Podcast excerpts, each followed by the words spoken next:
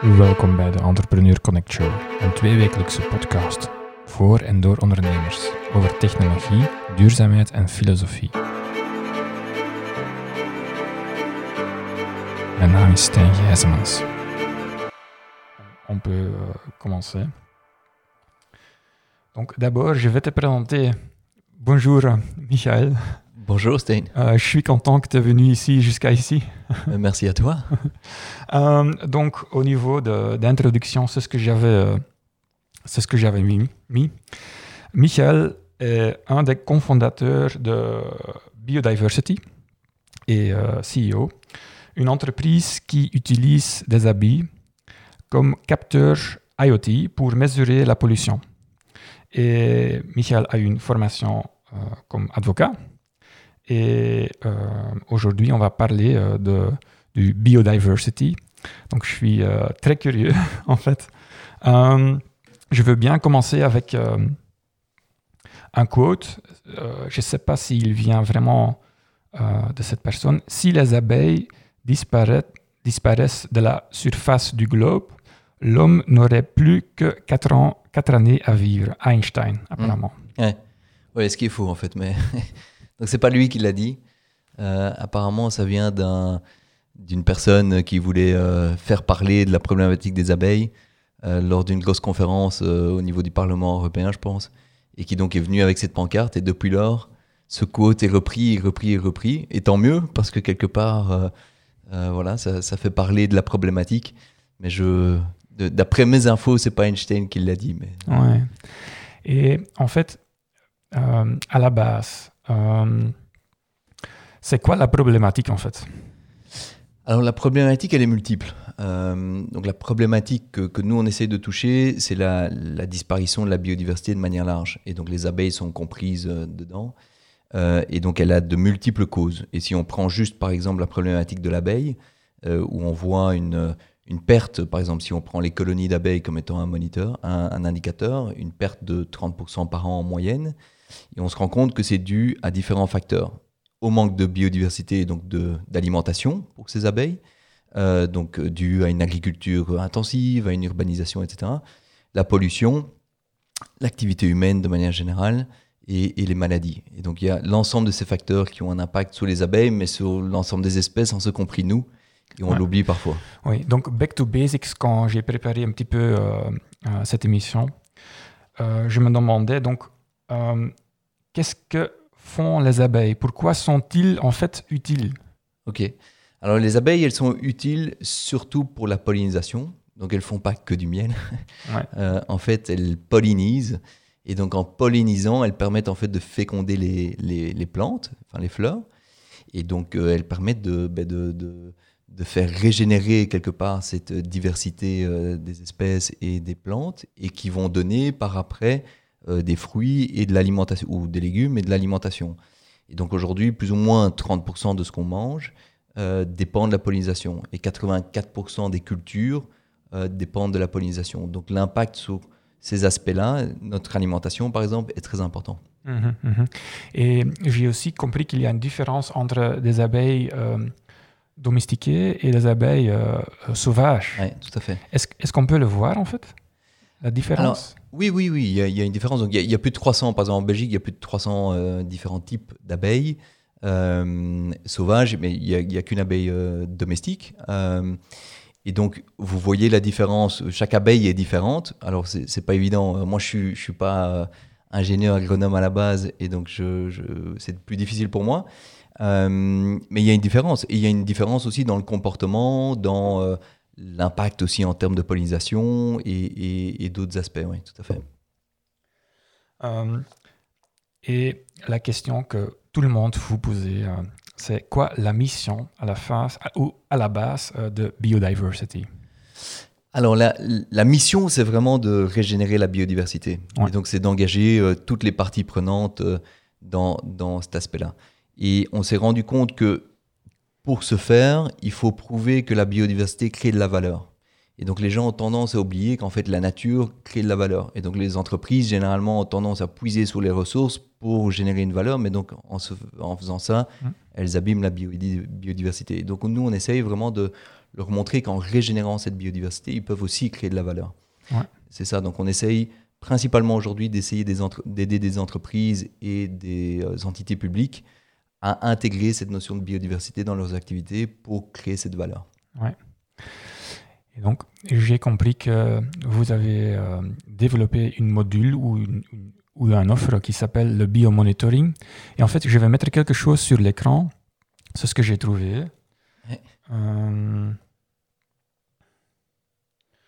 c'est une, euh, je vais le montrer, c'est une, je dirais, une, une explication de ce que, bio, ce que le, le allez, le, le, le, biodiversity, c'est ce, ce, que vous faites. Hein.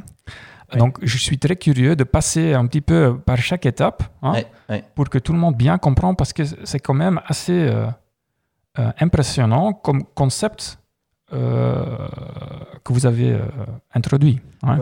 Tout à fait. En fait, on s'est rendu compte, donc mon associé a, fait un doctorat sur la problématique de la disparition de l'abeille. Euh, et on s'est rendu compte que l'abeille pouvait être une solution à sa propre problématique. Euh, pourquoi? Parce qu'en fait, en butinant, donc pour se nourrir, elle va visiter un ensemble de plantes. Donc elles vont jusqu'à un moyenne 1,5 km pour se nourrir, et elles vont visiter des milliards de fleurs. Et elles prennent en fait du pollen et du nectar de ces fleurs dont elles ont besoin pour se nourrir. Et elles ramènent en fait sur, sur elles ce pollen euh, qu'elles viennent stocker dans la colonie dans la ruche. Et en fait, on s'est rendu compte que si on prend un peu de ce pollen euh, quotidiennement, le pollen, lui, fixe les polluants de l'air et en partie de la terre, et il contient l'ADN de la plante. Et donc, quand on analyse ce pollen, eh bien, on peut voir tout ce qu'il y a comme polluants, donc euh, des pesticides, des métaux lourds et un ensemble d'autres polluants. Mais on peut aussi voir euh, le type d'espèces et de plantes qu'il y a à chaque période de l'année et quand il y a des carences en termes de biodiversité ou, des pics en termes de pollution. Et sur cette base-là, on a des indicateurs scientifiques sérieux pour pouvoir proposer des solutions beaucoup plus ciblées que ce qu'on pourrait euh, proposer sans cette solution. Et euh, comment est-ce que ça se fait d'analyser cet échantillon? Alors, en fait, l'abeille est quelque part le drone qui va chercher l'échantillon. L'échantillon, ensuite, il est analysé en laboratoire. Donc, il y a différentes techniques selon euh, ce qu'on veut analyser. Euh, et puis après, euh, nous, on a développé un logiciel qui permet de traiter ces données et d'interpréter les données. Parce que c'est un peu comme si vous allez voir un médecin. si un médecin vous fait une prise de sang, vous, vous, avez des données brutes, mais il faut voir un médecin pour expliquer ces données et pour proposer des solutions. Et donc, nous, sur base des résultats euh, suite aux analyses, on va faire toute cette interprétation et proposer les, mesures d'amélioration. Et est-ce que je l'ai bien compris que les abeilles, ils, ils, ont, ils couvrent un surface jusqu'à donc un kilomètre et demi? Oui, c'est ça. Un kilomètre et demi, donc ce qui fait 700 hectares. Donc c'est des zones, elles, elles, peuvent même aller jusqu'à 3 km. Euh, donc c'est ça l'avantage aussi de l'outil, c'est que il couvre une surface importante. Alors que normalement, si vous voulez faire un audit d'un site, mhm. en termes de biodiversité par exemple, ben, il faut que quelqu'un vienne sur place et regarde euh, quelles sont les espèces sur place. Donc c'est impossible de monitorer des zones aussi importantes. Et donc l'abeille, en fait, est, le, le, petit drone parfait en fait pour aller euh, collecter euh, des échantillons et des milliards d'échantillons par an. Ouais. Et dépendant du, du, grandeur du surface qu'on doit monitorer, on a besoin de plusieurs ruches à installer, euh, bien sûr. Alors nous, euh, pas tellement. En fait, on considère nous que sur une surface de 700 hectares, si on met deux ruches, c'est suffisant. Euh, et on en met deux plutôt pour des raisons de protocole, pour avoir suffisamment de, pollen. Au cas où il y a une ruche qui a un problème, on a une deuxième et un ensemble d'autres éléments. Donc on peut se limiter à deux ruches. et on a tendance à limiter aussi le nombre de ruches qu'on place sur les sites euh, pour ne pas en avoir trop non plus euh, dans l'environnement. Mhm, mhm. L'exemple, euh, c'est ce que j'ai vu aussi sur votre site web, c'est la Knock, au mer du Nord. depuis des années, je pense que vous aidez cette communauté. c'est assez intéressant pour le voir comment est-ce que vous êtes devenu en contact en fait avec eux et comment est-ce que vous êtes capable de les aider alors la manière dont on est rentré en contact, c'est une pure coïncidence assez intéressante. On, avait un projet chez Caméléon à Bruxelles et une des amies du CEO de Caméléon était euh, faisait partie de la famille euh, du bourgmestre de, de Knock. Euh, et elle nous a dit, bah, ça c'est une super idée. Et à Knock, ils veulent mettre en place un projet lié aux abeilles et, à la biodiversité. Et donc on a été rencontrer l'équipe à Knock. Et voilà, ils ont été charmés par l'expertise de, de, mon associé qui est quand même assez reconnu et très intéressant sur le sujet. Et puis on est venu avec un concept assez innovant qui était aussi en lien avec leur activité touristique. Et donc, c'était de dire, essayons de créer des parcours didactiques, touristiques aussi, pour que les gens apprennent plus sur la biodiversité, sur le lien entre la biodiversité, notre alimentation et notre vie. Et donc, on a créé ces parcours touristiques et en même temps, on a placé des colonies d'abeilles euh, pour sensibiliser, mais aussi pour collecter ces échantillons. Et donc, euh, il y a un, enfin, toute la, ville de Knock et même aux alentours euh, est couverte par ces abeilles qui monitorent chaque année et depuis maintenant 6-7 ans, ils prennent des mesures d'amélioration chaque année. Je pense que j'ai trouvé le parcours en fait. Ah donc, donc, donc, est -ce, donc, il y a un parcours touristique et euh, j'étais pas, euh, cet été, j'étais pas à Knock, mais donc si on passe là-bas, euh, donc on peut se promener par des, des ruches qui sont installées, c'est pas dangereux. Non, non, donc on a mis un système de protection où on peut aller voir la, la ruche à proximité sans, sans, problème. Et il y a d'autres choses en fait. Ils ont replanté aussi à différents endroits où on a mis des panneaux didactiques pour expliquer le type de plantation, quel était l'impact sur l'agriculture locale, etc.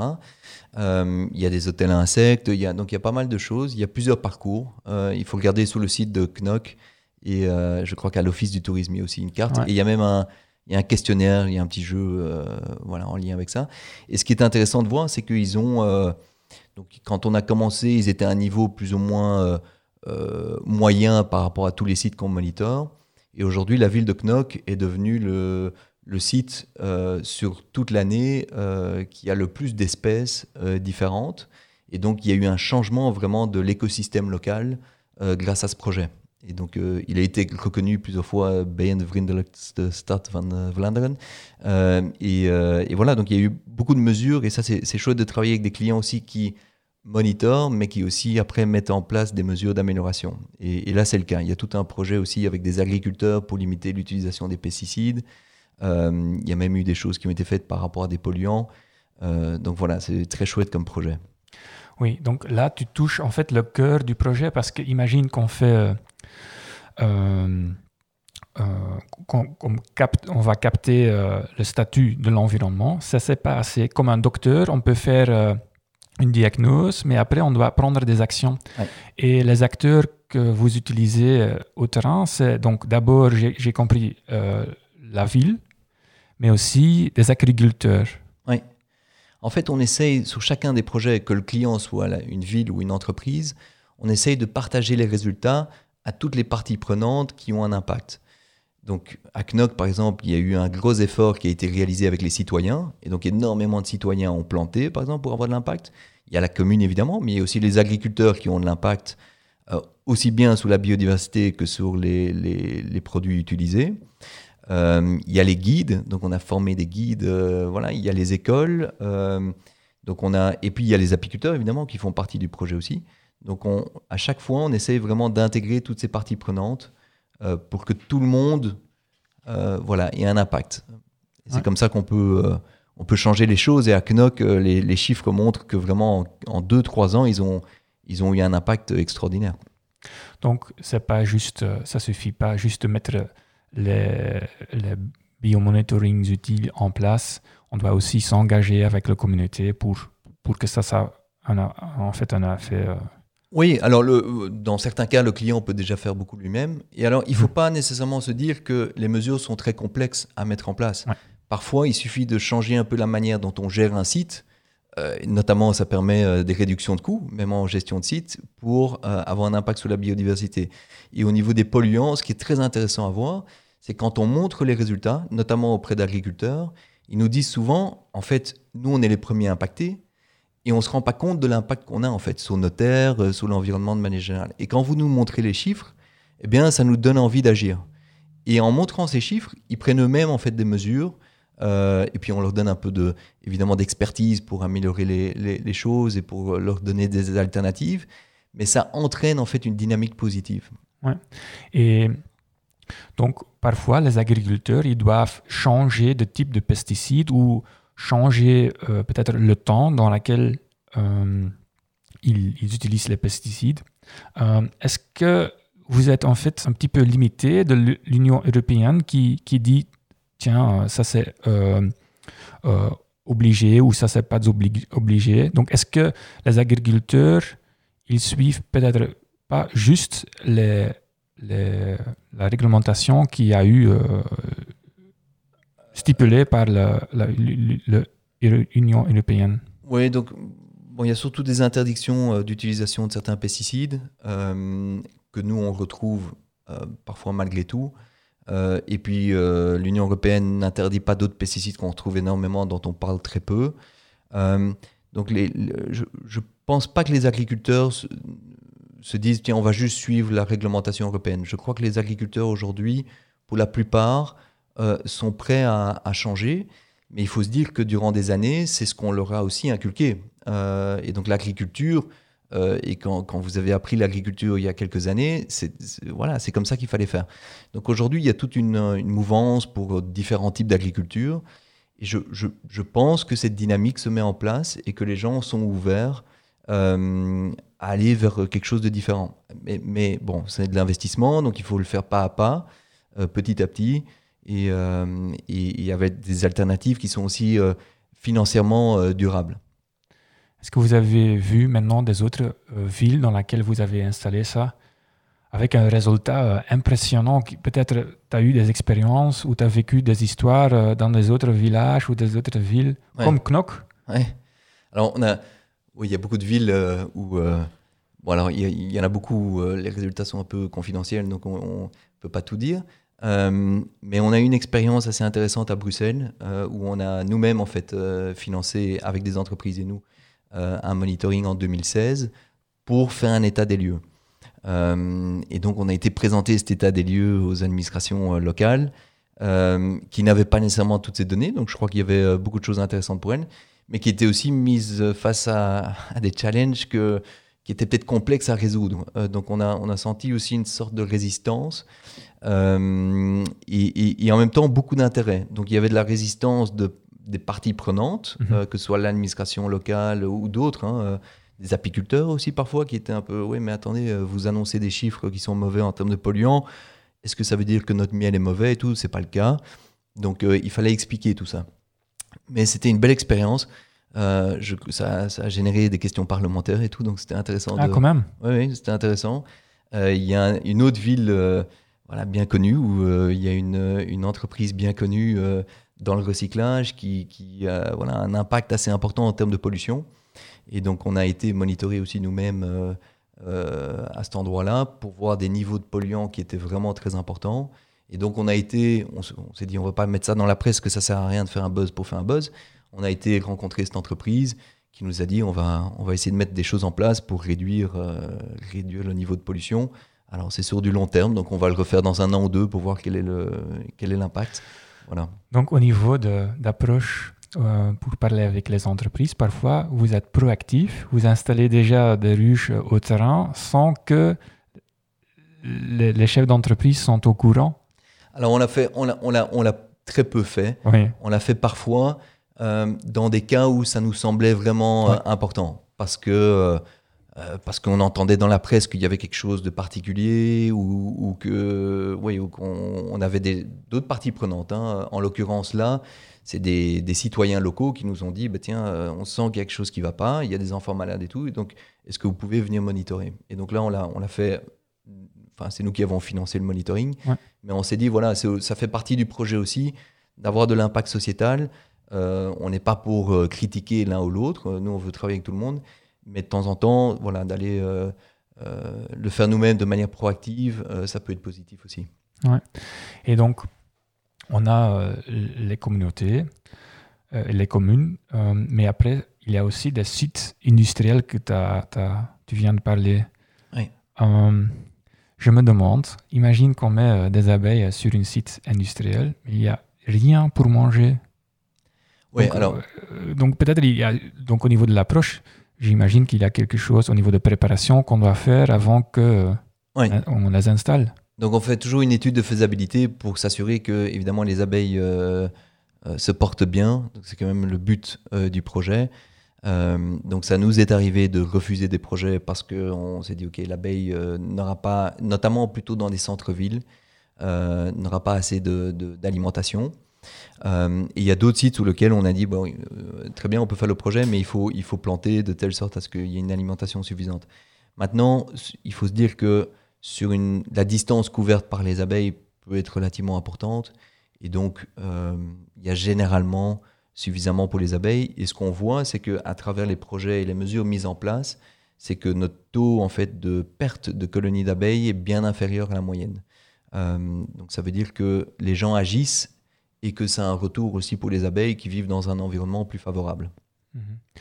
Et avec ce cet outil, est-ce que vous êtes aussi capable de dire, tiens, euh, en moyen, la qualité euh, de- l'air euh, diminue ou, ou augmente? Parce que vous, êtes, vous avez déjà installé quand même pas mal de, de, de- comment dire, De sites, oui. de sites. hein, voilà. Ouais, fait.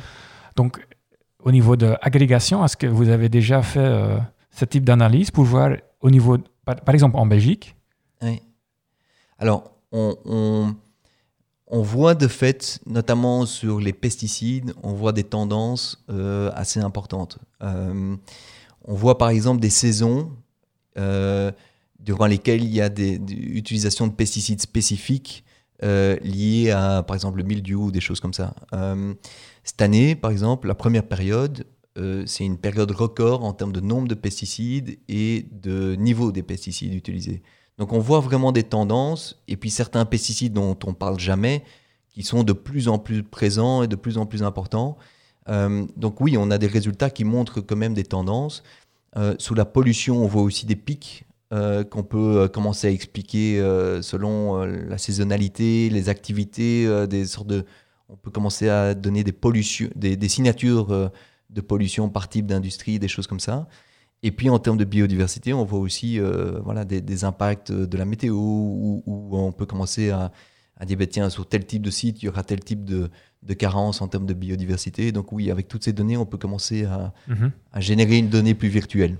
Qu'est-ce qui s'explique cette euh, augmentation de, euh, de cette de- dernier mois au niveau de, de pollution? Aïe, Alors, euh, Des pesticides, des surtout. pesticides, oui, Alors, surtout. On, cherche encore les bonnes explications. Euh, les premières recherches, euh, a pensé que les agriculteurs, en fait, euh, avaient pu euh, appliquer des produits en fin de saison dernière, mais ont eu des craintes que ce soit pas suffisant et ont réappliqué de manière assez importante en début de saison. Il y a une autre explication qu'on est en train de creuser, qui serait peut-être liée au Covid, parce que les avions ne volant plus, en fait, les avions auraient, donc on est en train de vérifier, mais des, des- capteurs ou des, des- euh, euh, enfin, retransmettraient des données géographiques euh, qui permettraient aussi d'anticiper les choses au niveau euh, agricole. Et donc, vu que ces avions ne volaient plus, il y avait un manque de données à ce niveau-là, et donc on aurait anticipé les choses en mettant plus de, de- produits. Donc, on est en train d'essayer de comprendre. Il y a certainement un niveau météo, mais on est en train d'essayer de comprendre s'il n'y avait pas un manque de données aussi euh, lié à ce genre de facteurs. Il y a des avions qui volent pour donner des, des données aux actes. Peut-être. Alors, c'est des informations qu'on a reçues quand même de, de, Ok. de gens, euh, voilà, c'est bien placé, que- mais qu'on est en train de valider. Donc, Ouais, avant, ouais. De, avant de pouvoir dire que c'est vraiment la cause, euh, on doit valider les choses. ouais. J'ai compris que euh, les abeilles, ils peuvent être tombés malades aussi, hein, euh, à cause de, de, de mythes, de, La varose, oui. des va- varoses, voilà. Euh, et j'ai compris qu'il y a parfois une polémique entre des personnes qui disent oui, euh, on peut les traiter, Oui. soit on ne les traite pas, et euh, ceux, qui disent, ceux qui disent que euh, tu ne peux pas les traiter, ils disent ça parce que euh, euh, peut-être au niveau de, du sélection naturelle, quand on les traite chaque année, ben, les abeilles pauvres qui sont qui, qui, qui, qui, on doit continuer à toujours les traiter parce que sinon ils, ils, meurent. Donc, est-ce que ça c'est une type de discussion qui vive alors, c'est des discussions. Toutes les discussions sur les techniques apicoles sont très passionnées. Euh, j'imagine. Donc, c'est euh, voilà, c'est complexe. Moi, moi, je, je, suis pas apiculteur, euh, mais Kim, donc mon associé, a quand même donc créé une cellule sur ces sujets à l'université de Jean et a fait beaucoup d'études sur le sujet. et il semblerait que le, fait de traiter est encore la seule manière aujourd'hui euh, de limiter euh, l'impact sur du long terme, je dis pas sur du court terme, mais sur du long terme ou du moyen terme de la varoise. Le problème aujourd'hui, c'est que la varoise, elle, elle, touche quasi toutes les ruches en Europe.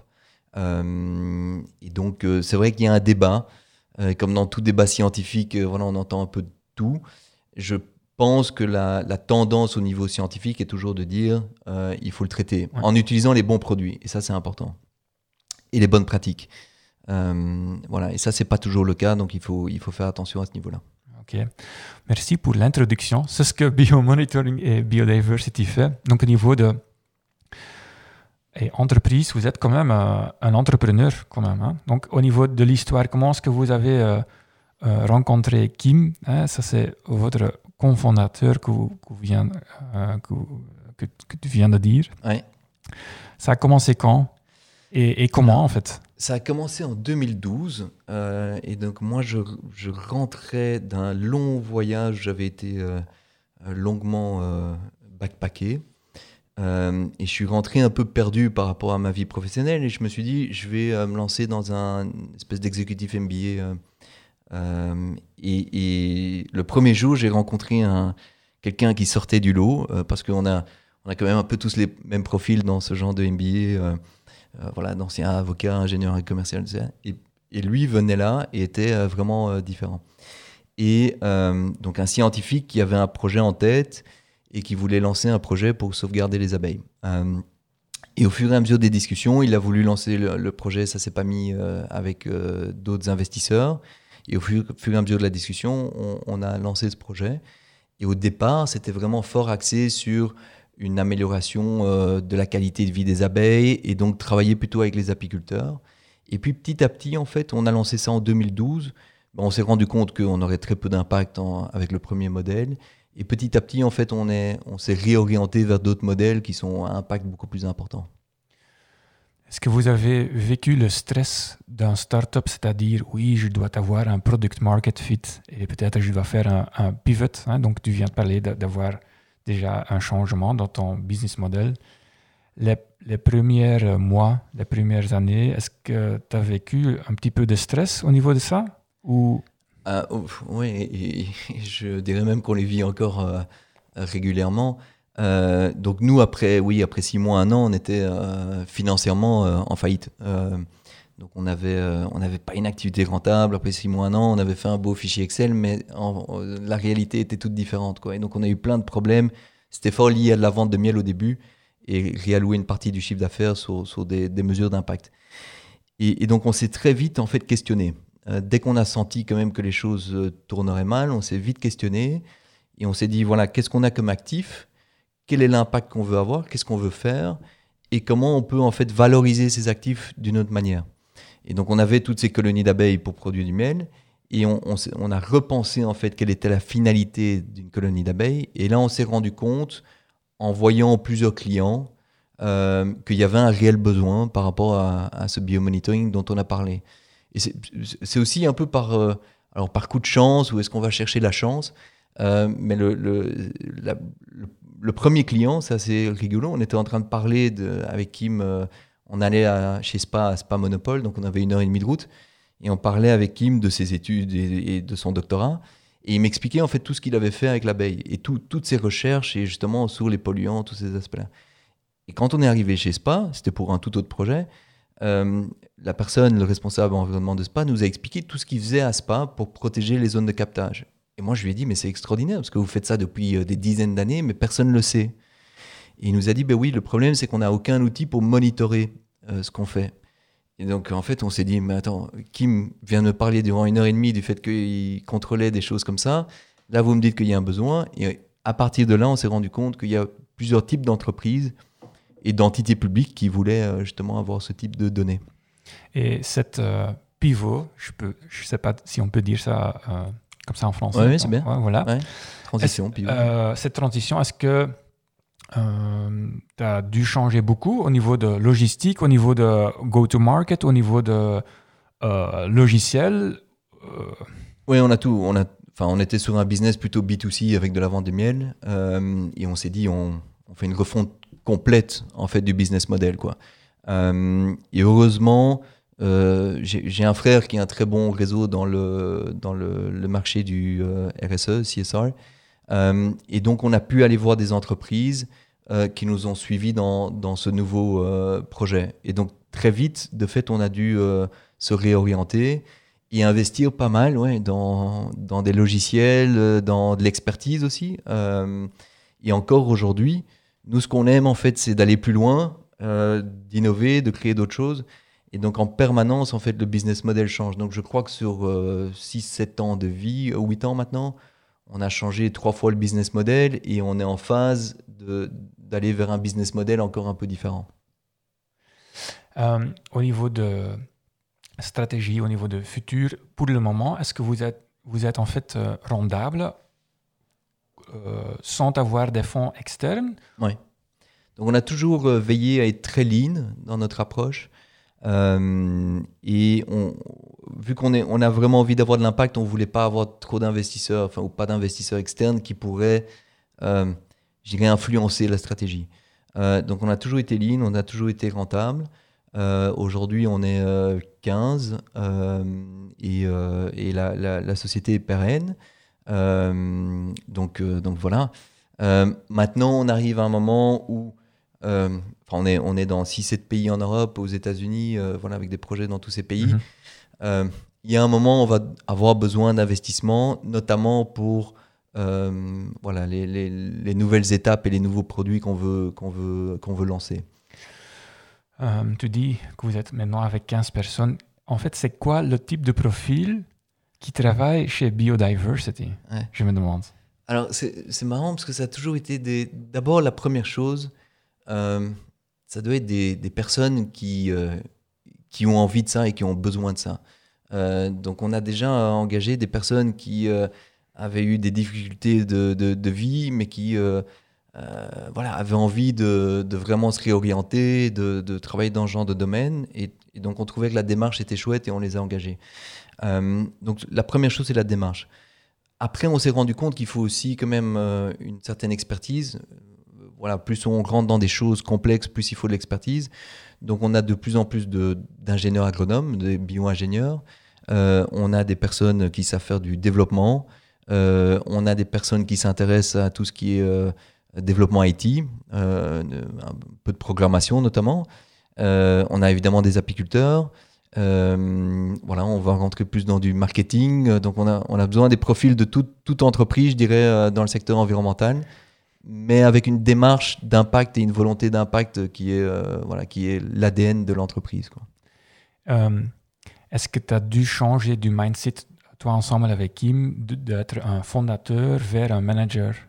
C'est la question typique, hein, c'est ce qu'on on demande quand on, quand on est en train de grandir avec une entreprise.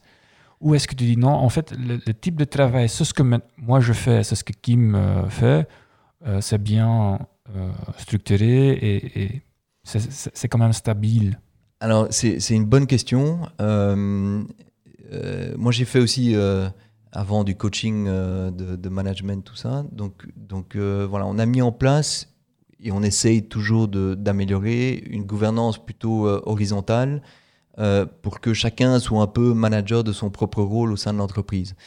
Euh, donc Kim a très fort un rôle de fondateur, créateur, inspirateur. Euh, moi, j'ai plus le rôle de, gestionnaire. Mais tu as raison de dire que voilà, il y a un moment où on sent qu'on reste des fondateurs, qu'on a envie de créer d'autres choses, et c'est pour ça qu'on est toujours sous l'innovation, et que je ne suis pas certain que le fondateur soit la bonne personne pour gérer une entreprise tout au long de sa vie. donc il y aura, il y, a, il y a déjà des réflexions pour se dire, bah, tiens, comment on fait en sorte que l'équipe grandisse et que petit à petit, ils prennent de plus en plus notre notre rôle et que nous on puisse aller sur d'autres choses et créer d'autres choses et, voilà. Donc c'est c'est des, des, choses qui se font petit à petit. Est-ce que vous avez un advisory board avec des personnes peut-être au niveau qui, qui ont investi, euh, faire un investissement ou peut-être des non-investisseurs au niveau d'un vrai avis. Euh, et est-ce que vous êtes en train de, de les écouter ou euh, comment ça se passe, ce type de Alors dialogue je, crois que ça, c'est notre première erreur et qu'on continue de faire depuis 8 ans, c'est qu'on n'a pas d'advisory board. et je crois que c'est vraiment une erreur. On a la liste des personnes qu'on veut contacter et tout, mais pour une raison euh, incompréhensible, on ne l'a pas encore mis en place. Euh, par contre, ce qu'on a souvent eu, c'est du coaching. Euh, donc on a énormément de gens qui nous ont aidés et, on, adore se faire challenger. Et donc c'est plus des coachs qui ont joué selon les besoins ce rôle de challenge qu'on a beaucoup écouté. voilà, mais, mais tu as raison de dire que on doit mettre en place un advisory board rapidement. Imagine que demain, il y a 10 millions sur la table mhm. pour vous mhm. à dépenser. Comment est-ce que tu vas les dépenser euh, Quels sont les types d'investissements que tu es en train de rêver maintenant pour grandir euh, la boîte Alors, on, est, on a investi pas mal sur le, numérique euh, parce qu'on se dit, en fait, on pourrait rester comme ça, parce qu'on adore ce qu'on fait. on adore nos clients, on a, on a un chouette impact. Mais on se dit, si on veut avoir un impact mondial, euh, il faut combiner en fait la nature et le digital et la technologie euh, pour que ce soit beaucoup plus scalable euh, et qu'on puisse être dans d'autres pays beaucoup plus rapidement. Et, voilà. et donc j'investirai beaucoup dans toutes les idées qu'on a et qu'on ne peut pas réaliser parce que voilà, il nous manque du temps, de l'investissement des gens qui sont en lien entre vraiment cette combinaison nature-technologie. Euh, il y a plein de choses à faire. Oui, en fait, euh, on n'a pas parlé du mot, mais l'artificial intelligence en, en, général, ça c'est peut-être un game changer pour l'industrie. Donc peut-être ça peut euh, donner des accélérations au niveau de monitorer ou analyser les échantillons ou voilà. Certainement, certainement, je crois que l'intelligence artificielle va faire évoluer les choses. Euh, et nous, on, a investi dans cette direction-là. Euh, alors il faut être prudent euh, aussi, il faut s'assurer que ça rencontre un besoin de marché, que tout ça, mais c'est sûr que c'est un des axes importants. Et puis il y a des axes plus techniques. pour donner un exemple, jusqu'à aujourd'hui, l'analyse de pollen était très complexe pour la biodiversité, prenait beaucoup de temps parce qu'il y a très peu de labos qui le font correctement. Et donc on a développé une nouvelle méthodologie euh, lié à la lecture ADN euh, de ce pollen. Et on veut aller même plus loin et pouvoir lire l'ADN euh, d'autres espèces, enfin d'autres échantillons de, de, la nature. Et donc, voilà, ça, c'est toutes des innovations qui prennent du temps, qui, demandent pas mal d'argent et qui permettent de faire évoluer. Il y, a, y, a quelques mois, on était à 3, 4, 5, parfois 6 mois pour obtenir des résultats. Donc, c'est difficile de scaler à ce niveau-là. Euh, aujourd'hui, en, une semaine, on, a, on peut avoir tous les résultats. Donc c'est une énorme différence en termes de scalability. Euh, voilà, donc c'est là-dedans qu'on a investi aujourd'hui pour, pour, essayer d'avoir cet impact mondial assez rapidement. Et tu as une collaboration avec euh, quelques universités pour ça ou comment vous faites ça? Alors, on est, on est évidemment très proche de l'université de Liège, Jean Blou, parce que Kim, historiquement, en faisait partie.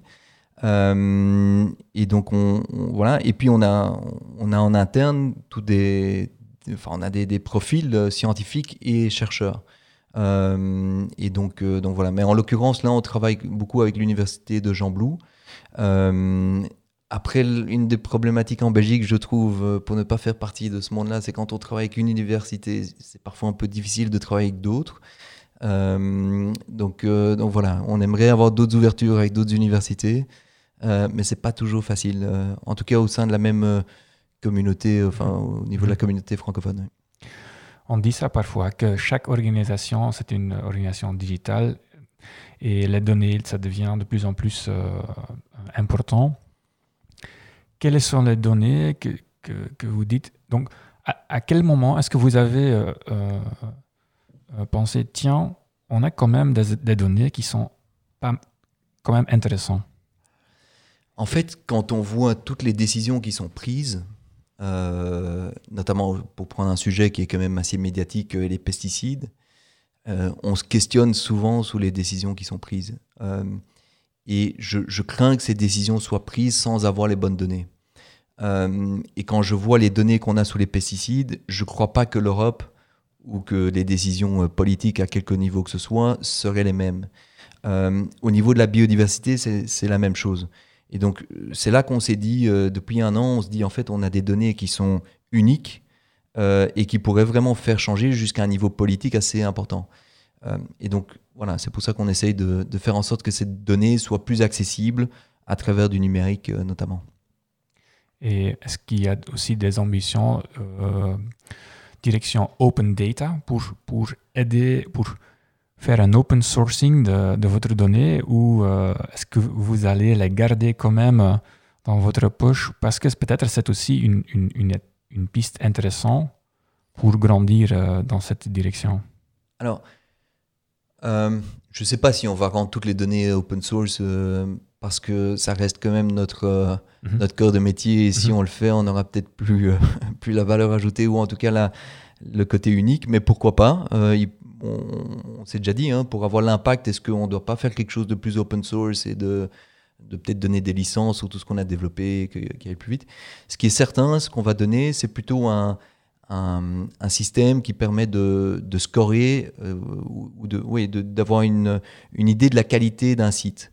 Euh, et donc, en utilisant nos données, de pouvoir dire à n'importe qui, voilà, vous allez sur ce site et vous allez pouvoir euh, avoir une idée de, de la qualité du site que vous choisissez. Et donc, ça veut dire que tout à chacun pourra utiliser ces données pour avoir une information euh, utile euh, pour la personne en question et même pour pouvoir agir par la suite. Euh, je pense qu'on a bien, moi j'ai maintenant bien compris ce que Biodiversity fait. je vais passer vers une, deuxième section de notre show, mhm. de parler sur les passions, hein, de, de, the passions, hein, the heart. Um, Est-ce que vous avez euh, apporté quelque chose euh, aujourd'hui? Je suis curieux, euh, en fait. J'ai apporté deux choses. la première, c'est voilà, ça c'est un vieil appareil photo, mais c'est la housse avec l'appareil dedans.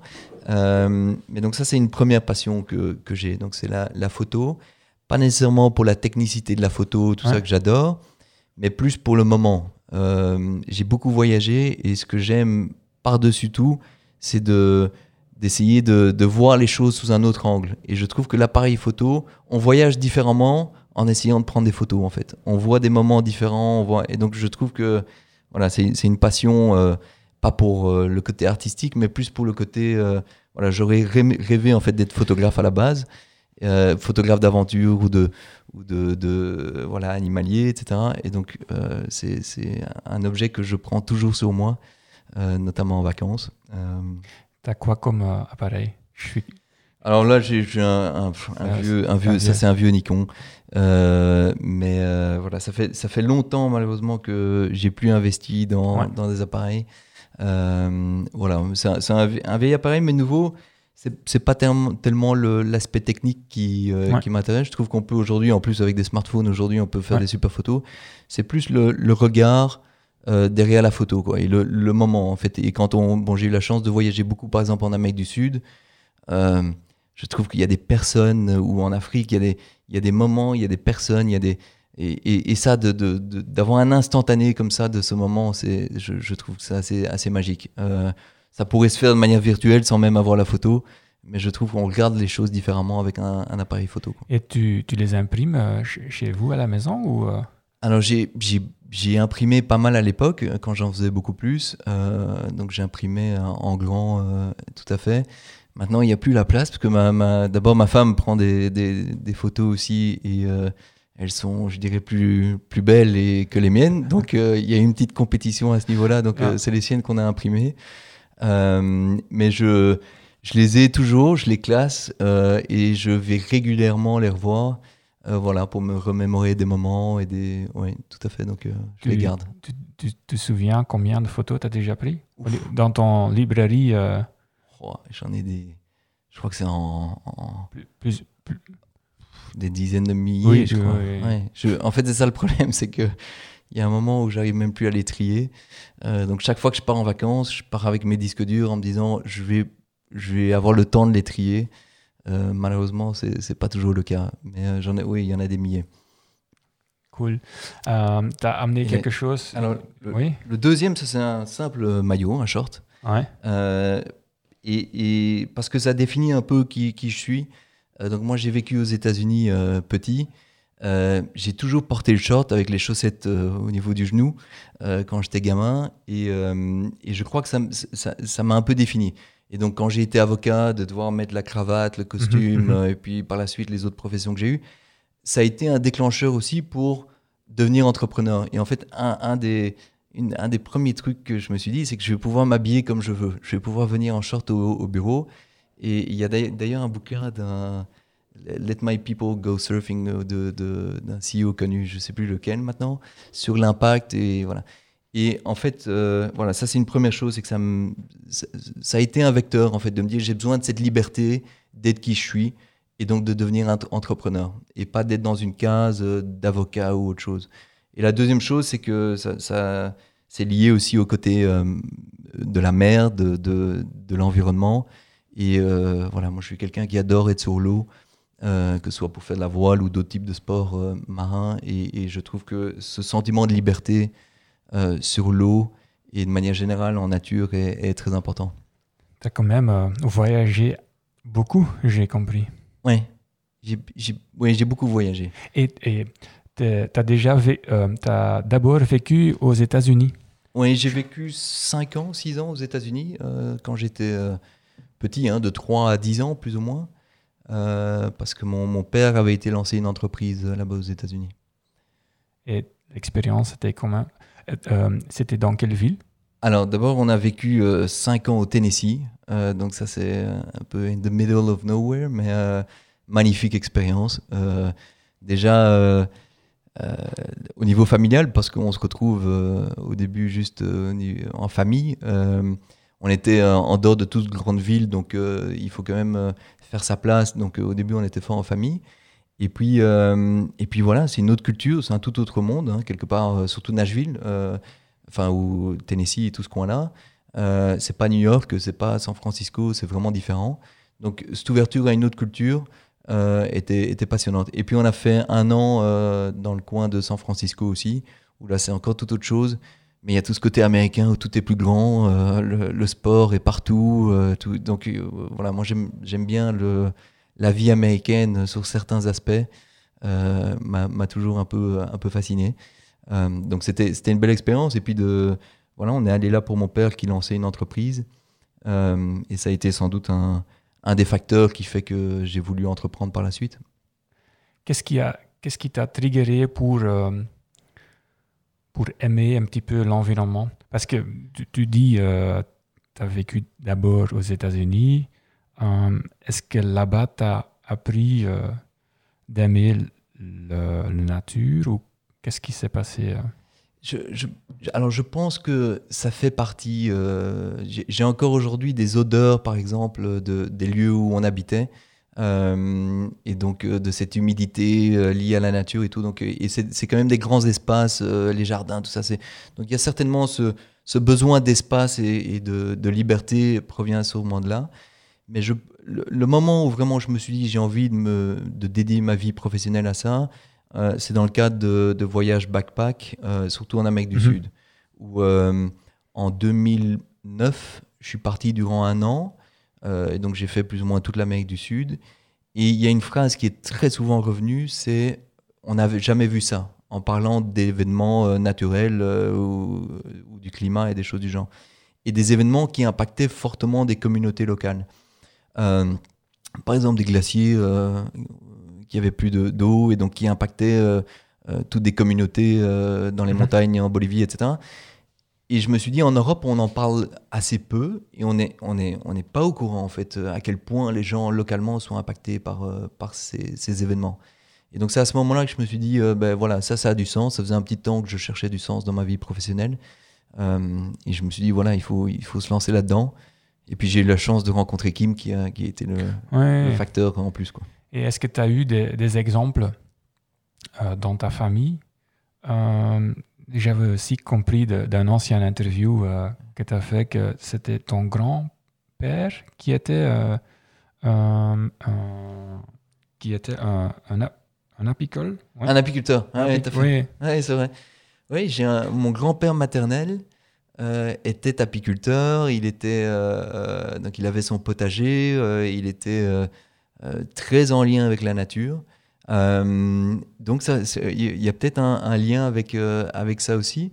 Euh, même s'il m'a pas appris l'apiculture, tout ça, mais c'est vrai que il y a un moment où on fait des liens avec son passé qui sont pas nécessairement évidents, mais tous ces petits ingrédients euh, sont sans doute, euh, ils sont sans doute pour quelque chose, ouais. Qu'est-ce qui t'a c'est qui ton exemple comme entrepreneur quand tu, quand, dans le monde? Ah. Ouah, Ça, c'est pas, c'est pas, c'est pas, c'est pas évident. Euh, comme entrepreneur, bah, je, je, je connais pas, mais j'ai- j'aime bien, par exemple, euh, et c'est peut-être idéalisé, hein, mais euh, la philosophie de, de Patagonia, par exemple, Mhm, euh, du mhm. CEO de Patagonia, dont j'avais lu un livre qui me, ouais, qui me paraissait intéressant sur un ensemble de, de choses. Il y a évidemment des entrepreneurs plus à impact, euh, comme euh, Mohamed Younous ou des choses comme ça, qui, évidemment euh, ont, vraiment révolutionné des choses et qui sont, passionnants à écouter. Pour avoir lu un peu sur Steve Jobs, je trouve que c'était autant un personnage qui avait l'air un peu odieux, autant je trouve qu'il avait un génie et qu'il y a des choses intéressantes à aller chercher dans, ce qu'il faisait aussi.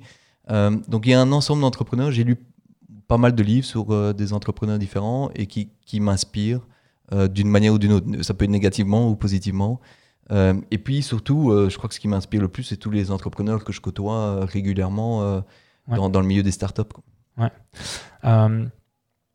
imagine donc Patagonia, c'est quand même un, un bon exemple, non? Parce que comment est-ce que, comme entreprise, tu vas balancer de, de gagner ton argent.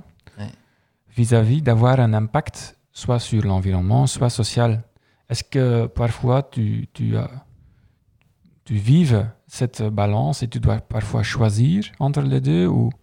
Alors, jusqu'à aujourd'hui, on n'a jamais dû choisir. Euh, Enfin, euh, c'est pas tout à fait vrai. On a un modèle qui, qui intègre quand même aussi bien le financier que l'impact. Donc, plus nos projets ont de l'impact, plus on a des finances. Donc, quelque part, c'est fortement intégré, donc ce qui, facilite cette... Enfin, on a, on a moins cette problématique-là. C'est arrivé que des entreprises nous demandent de faire un projet pour des raisons qu'on n'a pas trouvées euh, suffisamment impactantes.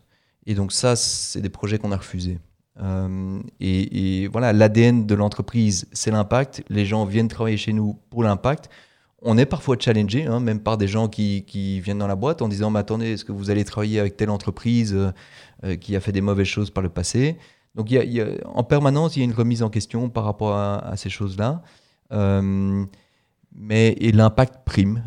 Donc si un jour on doit choisir entre faire beaucoup d'argent mais mettre l'impact de côté, eh bien, on n'ira pas dans cette direction-là. Mhm, mhm. Euh, comment est-ce que tu as vécu le, le période euh, Covid-19, soit privé et soit aussi professionnel?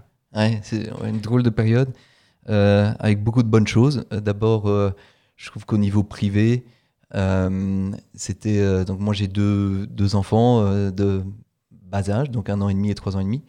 Euh, et euh, ces dernières années, j'avoue que j'ai pas toujours été très présent. Alors parfois on est présent, et c'est le côté aussi le problème des entrepreneurs, je crois, c'est qu'on est présent physiquement, mais pas toujours mentalement. Mhm. Et donc là, j'ai pu en fait euh, passer plus de temps avec eux euh, et être totalement présent. euh, et donc ça, c'était c'était euh, très chouette. Et puis après, il y a tout le l'impact sur l'entreprise. Euh, donc nous, on a on a décidé de d'investir parce que tout ce qui était vente était figé. euh, Donc euh, voilà, on s'est dit durant 3, 4, 5 mois, tout va être figé, tous les salons ont été annulés, etc. Donc on s'est dit, on va très vite réagir et aller dans l'innovation. Et donc on a développé, enfin on a déposé plusieurs projets d'innovation qui m'ont parfois euh, voilà, demandé de travailler énormément. donc ça, c'était le côté un peu plus compliqué, c'est qu'il fallait très vite réagir avec une équipe limitée. Et donc, voilà, la charge de travail a été par moments assez intense. mais je trouve que ça a été un moment aussi où il a fallu se réinventer. moi, j'ai adoré tous les calls que j'ai eus où les gens euh, disaient euh, ce que j'adore, c'est le silence. Euh, donc les, les gens reconnaissaient en fait que le silence leur faisait du bien et ou le fait de pouvoir s'arrêter ou la nature. Et donc je, je pense que comme pour beaucoup de gens, ça a été un retour aux sources et, à des besoins plus primaires quoi. Et de se rendre compte que d'amener les enfants à gauche à droite, de bouger tous les week-ends et tout, c'est peut-être pas ce dont on a besoin, mais ce dont on a besoin, c'est des moments euh, plus riche, euh, peut-être plus calme, euh, voilà, plus simple, et de revenir aux sources. Et donc ça, j'ai trouvé que c'était passionnant comme moment, avec tous les, côtés négatifs qu'il y, a, qui a à côté. Quoi. Et tu parfois planifies des, des, des moments de réflexion dans la vie. Par, par exemple, chaque, chaque année, tu fais un, Mm. une retraite euh, pour réfléchir au niveau de stratégie professionnelle. Euh, euh, qu'est-ce que je vais faire au niveau de privé est -ce, Comment est-ce que tu gères ça? Alors, j'avais promis à ma femme, enfin, j'avais même demandé à ma femme de pouvoir prendre une semaine seule chaque année. Donc, de pouvoir voyager ou prendre ce moment seul parce que c'était très important pour moi. Il se fait que là, avec les enfants, c'est plus compliqué. Mais j'essaye quand même d'avoir des moments, enfin, c'est très important pour moi d'avoir ces moments seuls soit d'aller marcher euh, en forêt ou des, des routes, euh, genre entre ici, euh, là où je vis, où, où, on est aujourd'hui, ben, j'ai pris un peu de temps. J'adore ces moments de transport où on peut s'arrêter, ne pas penser ou, justement réfléchir à des choses stratégiques. donc j'essaye vraiment, je crois que c'est primordial d'avoir ces moments d'arrêt.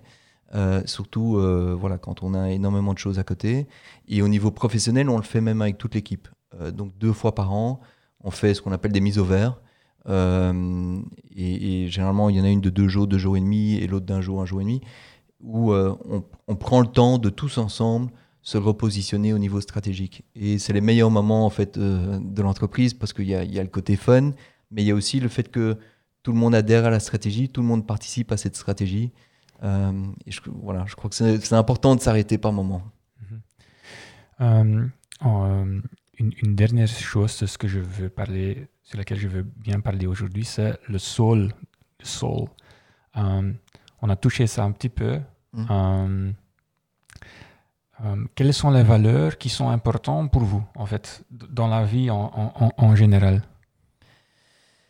Ah. Ou quelles sont les valeurs que tu veux partager avec les enfants, avec votre enfant, par exemple ouais. Le fait d'être juste, euh, je, voilà, je trouve euh, l'intégrité, la justesse. Euh, on peut se tromper, on peut, mais, mais il faut rester cohérent et être juste. donc ça, c'est quelque chose que j'essaye vraiment de d'inculquer. le respect des autres, de la nature et, et, du monde de manière générale et de soi. Je crois que ça, c'est très important aussi. Et on l'oublie, notamment le respect de soi, parfois, on l'oublie aussi.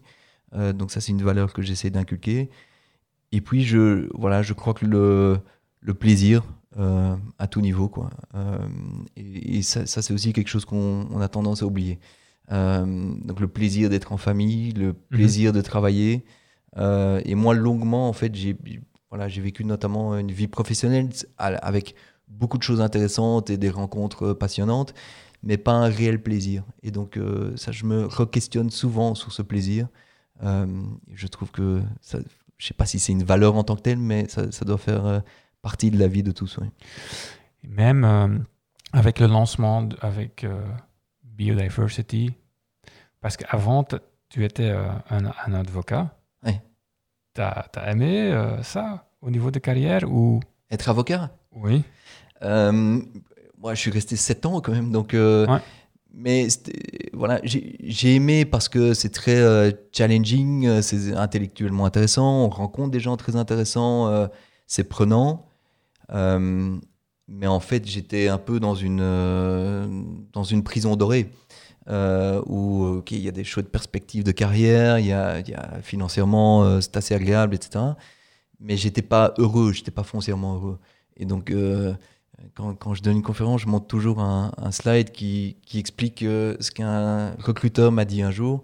Il m'a dit bah, Tu étais au sommet de l'échelle euh, en tant qu'avocat euh, droit des sociétés, puis tu as fait de l'immobilier, tu es un peu descendu, tu as fait du coaching, et maintenant tu travailles avec les abeilles, tu es tout en bas de l'échelle.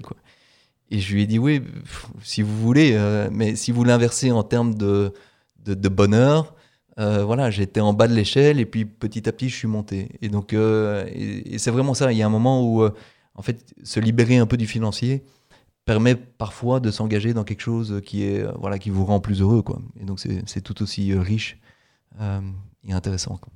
Tu penses parfois des, des, jobs dans des entreprises, ce sont des jobs avec golden cage. Hein, C'est ça ce que. Oui.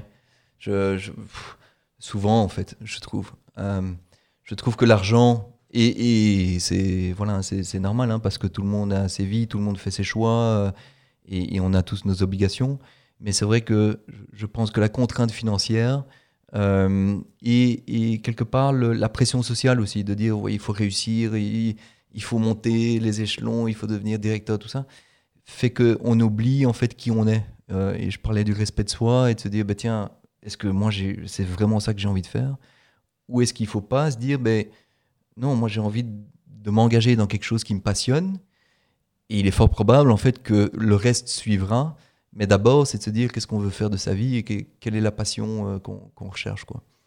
Ça t'a donné un, une, une, type de anxiety? Dans laquelle, euh, pendant ton carrière comme avocat, c'est-à-dire, tiens, je dois changer de job, je, dois, euh, je dois changer de job, mais je ne le trouve pas, peut-être je vais faire du backpacking euh, et peut-être je vais le trouver.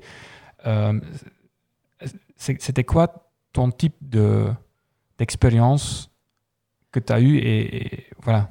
Ouais, ça a été 10 ans de... Ouais, 10 ans hein, en tout avant de vraiment faire le, cette bascule dix ans de questionnement quasi journalier. Quoi. En me disant, je, je, je suis pas mal, il y a plein d'avantages, mais en sentant que c'était pas moi, euh, en sentant que c'était qu'il y avait autre chose. Et donc, je savais que quelque part, je voulais entreprendre, mais je me suis toujours dit, est-ce est que j'ai l'expérience suffisante Est-ce que j'aurai les capacités euh, à tout niveau et, et, donc, ça m'a pris dix ans aussi. Et puis, il y a un moment où on commence à, à mieux gagner sa vie et on se dit, ben, est-ce qu'on a envie de lâcher tout ça et donc ça, ça m'a pris encore euh, quelques temps pour à un moment dire non, stop à tout. Et en fait, en, deux semaines de temps, j'ai euh, démissionné de mon emploi de l'époque, j'ai pris mon backpack, et je me suis dit, moi, c'est obligatoire que maintenant je parte. Euh, voilà, je suis parti sans délai en me disant, voilà, je reviendrai peut-être dans trois mois ou plus tard. Et ça m'a pris plus de neuf mois pour voilà, me dire, savoir ce que je voulais faire. Et je suis revenu après un an, et puis, et puis là, c'était beaucoup plus clair.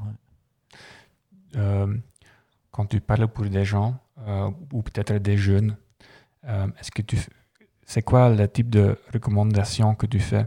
Par exemple, des personnes qui sont 18 ans.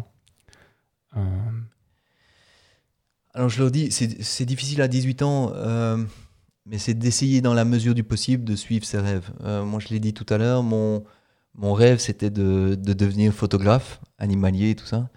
Et puis mon mhm. père, euh, mon père m'a amené un jour chez un photographe qui prenait des photos de lui euh, en entreprise. Et il m'a dit voilà, euh, moi toute la journée je prends des photos. Il a montré la photo de mon père. Il m'a dit une fois j'ai pris une photo un peu super. C'était une photo de Claudia Schiffer, ce qui m'intéressait pas trop. Il me dit mais le métier est très complexe, etc. Et donc je me suis dit ouf, ça, prendre des photos de mon père, ça va pas le faire. Donc j'ai voilà et et je, pense que d'avoir cette maturité à 18 ans, de se dire, tiens, euh, qu'est-ce qu'on aime Est-ce qu'on n'irait pas rencontrer des gens? Et je crois que ça, c'est le plus important de, ce que moi j'ai appris dans, ma carrière. Euh, L'expertise, tous ces aspects-là, c'est important.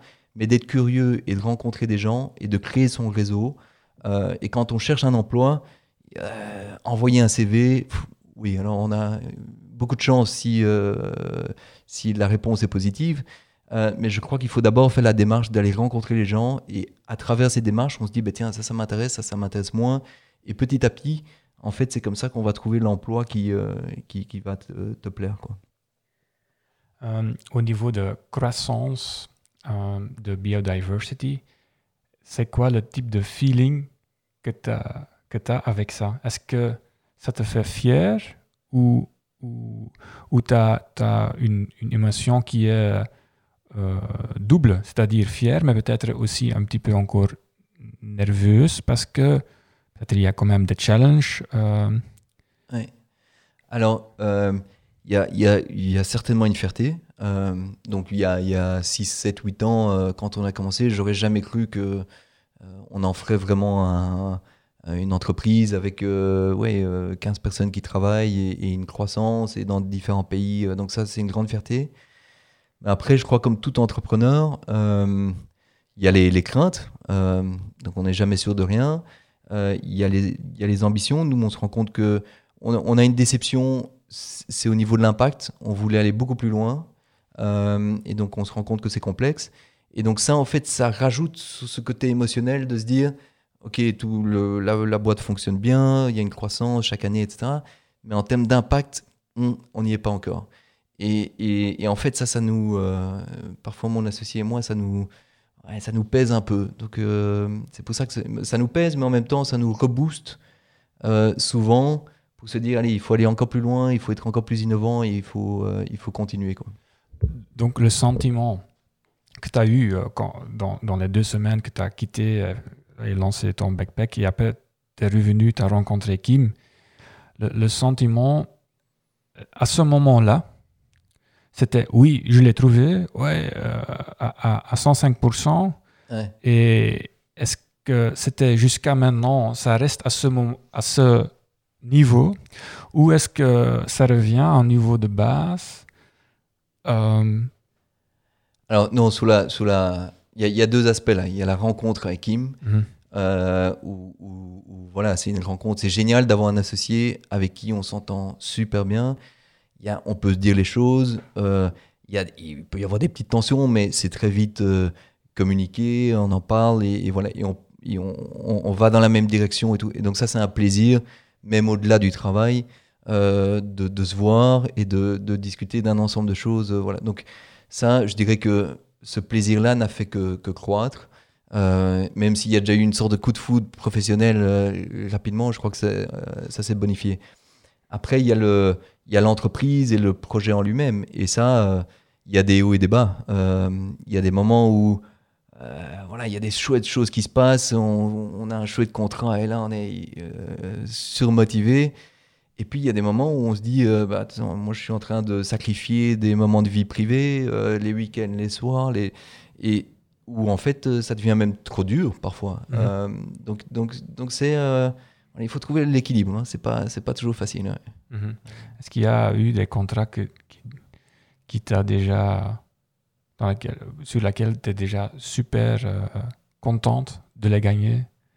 Oui, bah oui. Bah chaque, quelque part, chaque contrat, on le, on le célèbre quand même parce que, allez, c'est pas le, je dirais que le, le, sujet sur lequel on est, c'est pas le premier aujourd'hui qu'une entreprise ou que, que même une mhm. entité publique va va prendre en main et va, dans lequel ils vont investir. Donc chaque contrat pour nous est une, euh, chouette victoire. Après, il y en a, il y en a où on se dit euh, c'est des, groupes où il y a un potentiel génial où, il y a, et où voilà, il y a un visionnaire derrière et on se dit là il y a vraiment moyen de faire quelque chose de chouette. Donc il y en a plusieurs. Et parfois c'est pas des contrats de prestations, parfois c'est des partenariats sur d'autres choses qui sont voilà qui sont qui sont chouettes à faire aussi. Euh, je, veux, je veux te montrer quelque chose. Donc, euh, j'ai lu quelques nouvelles sur, ton, sur votre site web. Hein. Oui. Euh, au niveau de le lien entre le Covid-19 et la biodiversité. Oui. Donc, d'un point scientifique, je veux bien comprendre s'il y a. comment ça fonctionne C'est quoi le lien? Donc, linking human health to biodiversity. Alors, euh, bon, je vais, je vais l'expliquer en mes termes, donc ce ne sera pas des termes scientifiques, mais c'est peut-être pas plus mal. Euh, je pense que plus on détruit les habitats, euh, donc les lieux où les animaux vivent, plus on comment, et plus il y a de l'urbanisation vers de l'habitat animalier, plus on rentre en contact avec cet habitat. Or, cet habitat, en fait, à sa résilience, son écosystème, euh, ses tampons, etc. Et donc, euh, ces virus, quand on regarde en fait le nombre de virus, je connais plus les chiffres, etc., mais mmh. j'étais étonné, moi, de voir le nombre de virus, en fait, qui proviennent d'animaux, euh, des virus humains qui proviennent d'animaux. Et plus on est en contact avec cet habitat auquel nous, on n'a pas la résistance, pour lequel nous, on n'a pas la résistance, ben, plus on se met à risque. Et donc, plus on détruit ces habitats, plus le contact est important, plus nous, on est à risque. Euh, et c'est le cas avec les chauves-souris qui n'ont plus d'habitat et donc ils vont venir plutôt euh, chercher un habitat dans le milieu urbain. Et, donc, voilà, les contacts se font et on, crée ce risque. Et, donc, et, voilà, nous, on est, on n'est pas, eux sont pas faits pour vivre dans notre écosystème nécessairement, et, vice versa, je pense. Et donc, euh, voilà, je crois que c'est ça l'explication. Euh, et euh, donc il y a, il y a, parce que les personnes ou, ou les personnes humaines, ils sont plus proches de ce type d'animaux que le risque qu'il y a un virus qui se transmet vers une personne humaine, c'est plus, c'est plus grand voilà, euh, non seulement ils sont proches, mais en plus ils commencent à s'en nourrir. Euh, ah oui. Et donc, euh, et puis ça peut être un animal qui transmet un autre animal dont on va se nourrir nous. Et, voilà. Donc c'est vraiment cette proximité à tout niveau qui voilà qui, qui fait qu'il y a un risque croissant sur, sur, notre santé. Oui, tout à fait. et au-delà de ça, euh, le déclin de la biodiversité a un impact sur notre santé parce que la, médecine dépend de la biodiversité, notre alimentation dépend de la biodiversité, donc euh, et, un ensemble d'autres éléments, euh, ce qu'on porte, ce qu'on notre économie dépend de la biodiversité. Donc en fait, on s'en rend pas compte, mais tout est lié à cette biodiversité. Donc le déclin de la biodiversité, il a un impact social, environnemental évidemment, enfin, économique, santé. Donc il est il est, il est complexe. Est-ce que euh, tu attends quelque chose de la gouvernement ou de des gouvernements ici en Belgique? Euh, je, fais une réponse. Euh, j'attends plus grand chose des gouvernements, je, je, dois, l'avouer. j'espère, j'espère mhm. vraiment qu'il y ait une prise de conscience. je trouve que les membres du gouvernement devraient peut-être aller faire un peu de backpack à travers le monde pour voir vraiment la réalité.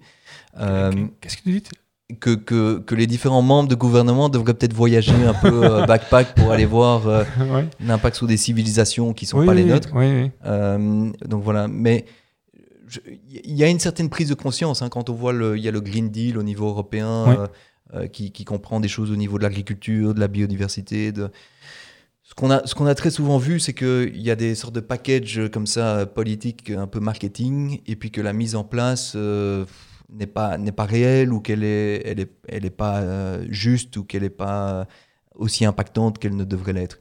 Euh, donc et puis j'ai plutôt tendance à dire ben, tant mieux si le gouvernement met en place des choses, mais je crois qu'en premier lieu, c'est à nous tous, aux entreprises, aux citoyens, c'est eux qui peuvent faire la différence.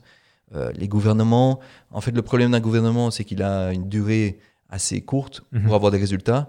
Or, des transformations sur ce genre de sujet, euh, ça prend du temps. Donc, euh, quand vous mettez en place des choses, même des aménagements en termes de biodiversité, vous n'allez pas voir le résultat l'année d'après. Donc, ça prend un certain temps. Et donc, on se rend compte que le terme est trop court parfois pour qu'il y ait un vrai engagement politique. Donc, je crois que c'est une des problématiques. voilà. Mais quand même, le Green Deal, c'est quand même peut-être un changement oui. qui donne aussi une opportunité aux entreprises euh, pour s'aligner avec euh, cet objectif. Hein.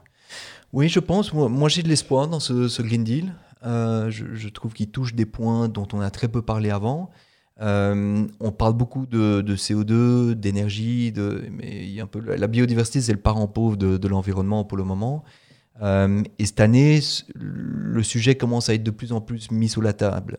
et donc, on voit même des, pays qui sont je dirais, un peu plus précurseur que d'autres. En France, euh, il y a pas mal de choses qui se passent. Euh, donc on voit qu'il y a une dynamique qui est en train de se mettre en place, au, niveau des politiques, mais des entreprises. C'est juste que, d'expérience, depuis qu'on est dans le milieu, ça va plus vite avec des entreprises. Étonnamment, hein, nous, on s'est dit que ce sera plus simple mhm, avec des mhm. entités publiques et mhm. que c'était eux nos premiers clients. En réalité, ça va plus vite avec des entreprises. Mais l'impact, au final, il devra venir euh, aussi des gouvernements et donc, il faut, il faut tous pousser, euh, pousser vers là en tant que citoyen aussi. Quoi. Et quand on, on peut comparer euh, les États-Unis ou l'Afrique ou l'Amérique euh, du Sud, euh, ou l'Asie en comparaison avec l'Europe. Tu vois une différence entre le niveau le, euh, l'engagement au niveau de biodiversité? Parce que tu viens de dire au niveau de l'Amérique du Sud, justement, que les personnes là, ils sont déjà mieux conscients de ce qui se passe. Oui, alors, euh, alors je trouve que on- je vois beaucoup de très chouettes projets euh, qui viennent de pays plutôt en voie de développement, l'Afrique, l'Amérique du Sud, parce que, je crois qu'ils sont confrontés aux problématiques et quand on est confronté à un problème, on trouve plus de solutions. Et donc je trouve les solutions, moi, les plus intéressantes que j'ai vues euh, dans le secteur de l'économie circulaire, tout ça, c'est dans ces pays-là. Après, au niveau euh, des gouvernements, c'est autre chose. Euh, quand on voit déjà la différence entre les États-Unis, encore plus aujourd'hui, et l'Europe, il y a quand Mhm. même une différence importante, notamment au niveau des autorisations euh, pesticides. Quand on va aux États-Unis, on se rend compte que les besoins sont pas du tout les mêmes. Et quand on va parler ici de réduction de pesticides, là-bas, ils nous disent bah non, nous, euh, on y va, on y va, on y va.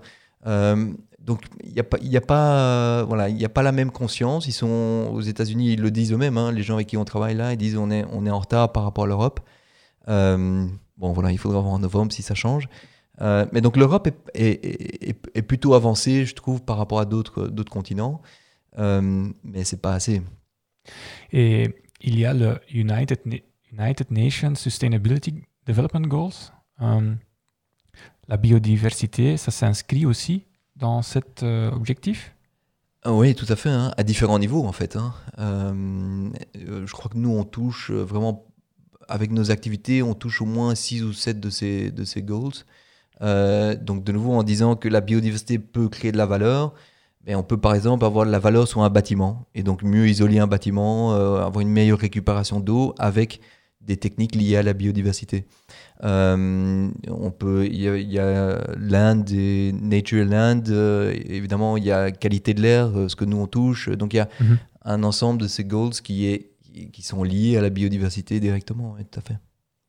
Intéressant. Je vais checker parce que j'avais encore une, euh, euh, une question. Euh, quels sont les trois conseils que tu peux donner aux jeunes qui veulent devenir un entrepreneur social? Hmm. Alors, le, premier, le premier conseil, c'est voilà, il faut avoir une démarche honnête, juste et, et, et passionnée. Parce que, sincèrement, c'est au moins aussi difficile que l'entrepreneuriat traditionnel et je, pense parfois plus difficile quand je vois le taux de burn-out, par exemple, dans, ce qu'on appelle notamment les HEK Fellows, il est, très important. Donc, euh, il faut vraiment être passionné, il faut être déterminé. Euh, ça, c'est la première chose. La deuxième chose, c'est, je pense pas qu'il fasse le. Enfin, il faut s'associer euh, et trouver le bon associé. Pourquoi? Parce que souvent, ce que je vois, c'est qu'il y a la personne qui a l'idée, la passion, euh, mais c'est pas nécessairement un manager. Et, euh, et donc, quand on a une passion d'impact et tout, c'est lourd à porter, quoi. Quand on n'y arrive pas, quand. Et donc, il faut s'associer, je crois, avec quelqu'un qui. euh, voilà, d'avoir le rêveur, d'avoir la personne plus conceptuelle, plus passionnée, et puis d'avoir l'autre personne tout aussi passionnée, mais, mais, mais plus terre à terre. Euh, et la troisième, le troisième conseil, c'est juste d'y aller. Je dirais que même si ça marche pas, euh, bah, c'est une magnifique expérience et euh, on grandit à travers euh, ce genre d'expérience. Donc, juste se lancer et puis voir où ça va. Je suis content que tu es venu ici. Mais merci à toi. Il y a quand même des- quelques livres ici que j'utilise maintenant pour soutenir. Le. Mais t'as- t'as lu, tu connais ça? Non, ça j'ai pas lu. Quand même un bon, un, un bon type. Ici, als burgemeesters zouden regeren euh, aussi. euh, j'ai pas encore de livre de, de la biodiversité. Peut-être je dois investir un petit peu. Euh, mais j'ai, quand même euh, quelques abeilles dans le jardin. Ah, tu Euh, as des, tu as des Bah ruches, non, bah non, j'ai pas une. euh, Comment ça s'appelle? Euh, J'ai pas, pas une ruche. Euh, mais euh, je, je pense que je vais, le- allez, je vais essayer. Je suis quand même super inspiré par cette histoire et je- euh, on doit faire quelque chose toi-même parce que sinon, on- Ouais, mais alors la meilleure, la meilleure des choses à faire, parce que pour, pour avoir une ruche, il faut quand même être apiculteur, donc il faut un peu se former. Il Oui, faut pas oui. croire que c'est- pas si simple, même si c'est passionnant. Mais des choses faciles à faire, c'est de gérer son jardin de telle sorte à, à attirer Ouais. plus de pollinisateurs, mettre un chouette hôtel à insectes, euh, euh, notamment pour, euh, pour expliquer aux enfants, euh, tout ça. Donc ça, c'est des gestes euh, assez simples à mettre en place euh, et qui, qui ont déjà de l'impact. Je dois le faire. Je suis obligé. J'ai déjà, euh, euh, pendant l'été, il y avait le, le herbe, l'herbe que j'ai pas coupé. Ouais. C'est le minimum qu'on peut faire. Ouais, ouais c'est déjà bien, c'est déjà Oui. bien.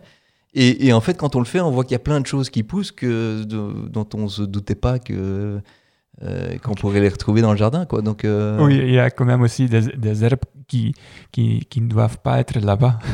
alors il y a ce qu'on appelle les mauvaises herbes, euh, mais dans les mauvaises herbes, en fait, il y a souvent des herbes qui sont très intéressantes. Oui. Donc il y a les, les espèces invasives, ça c'est plus embêtant. Donc ça c'est vraiment les espèces reconnues comme étant invasives qui peuvent poser problème, notamment pour euh, la biodiversité ou pour les insectes. Mais les mauvaises herbes, ce qu'on nous on appelle les mauvaises herbes, c'est pas nécessairement des Non. mauvaises herbes. Euh, C'est juste une classification artificielle, en fait. voilà.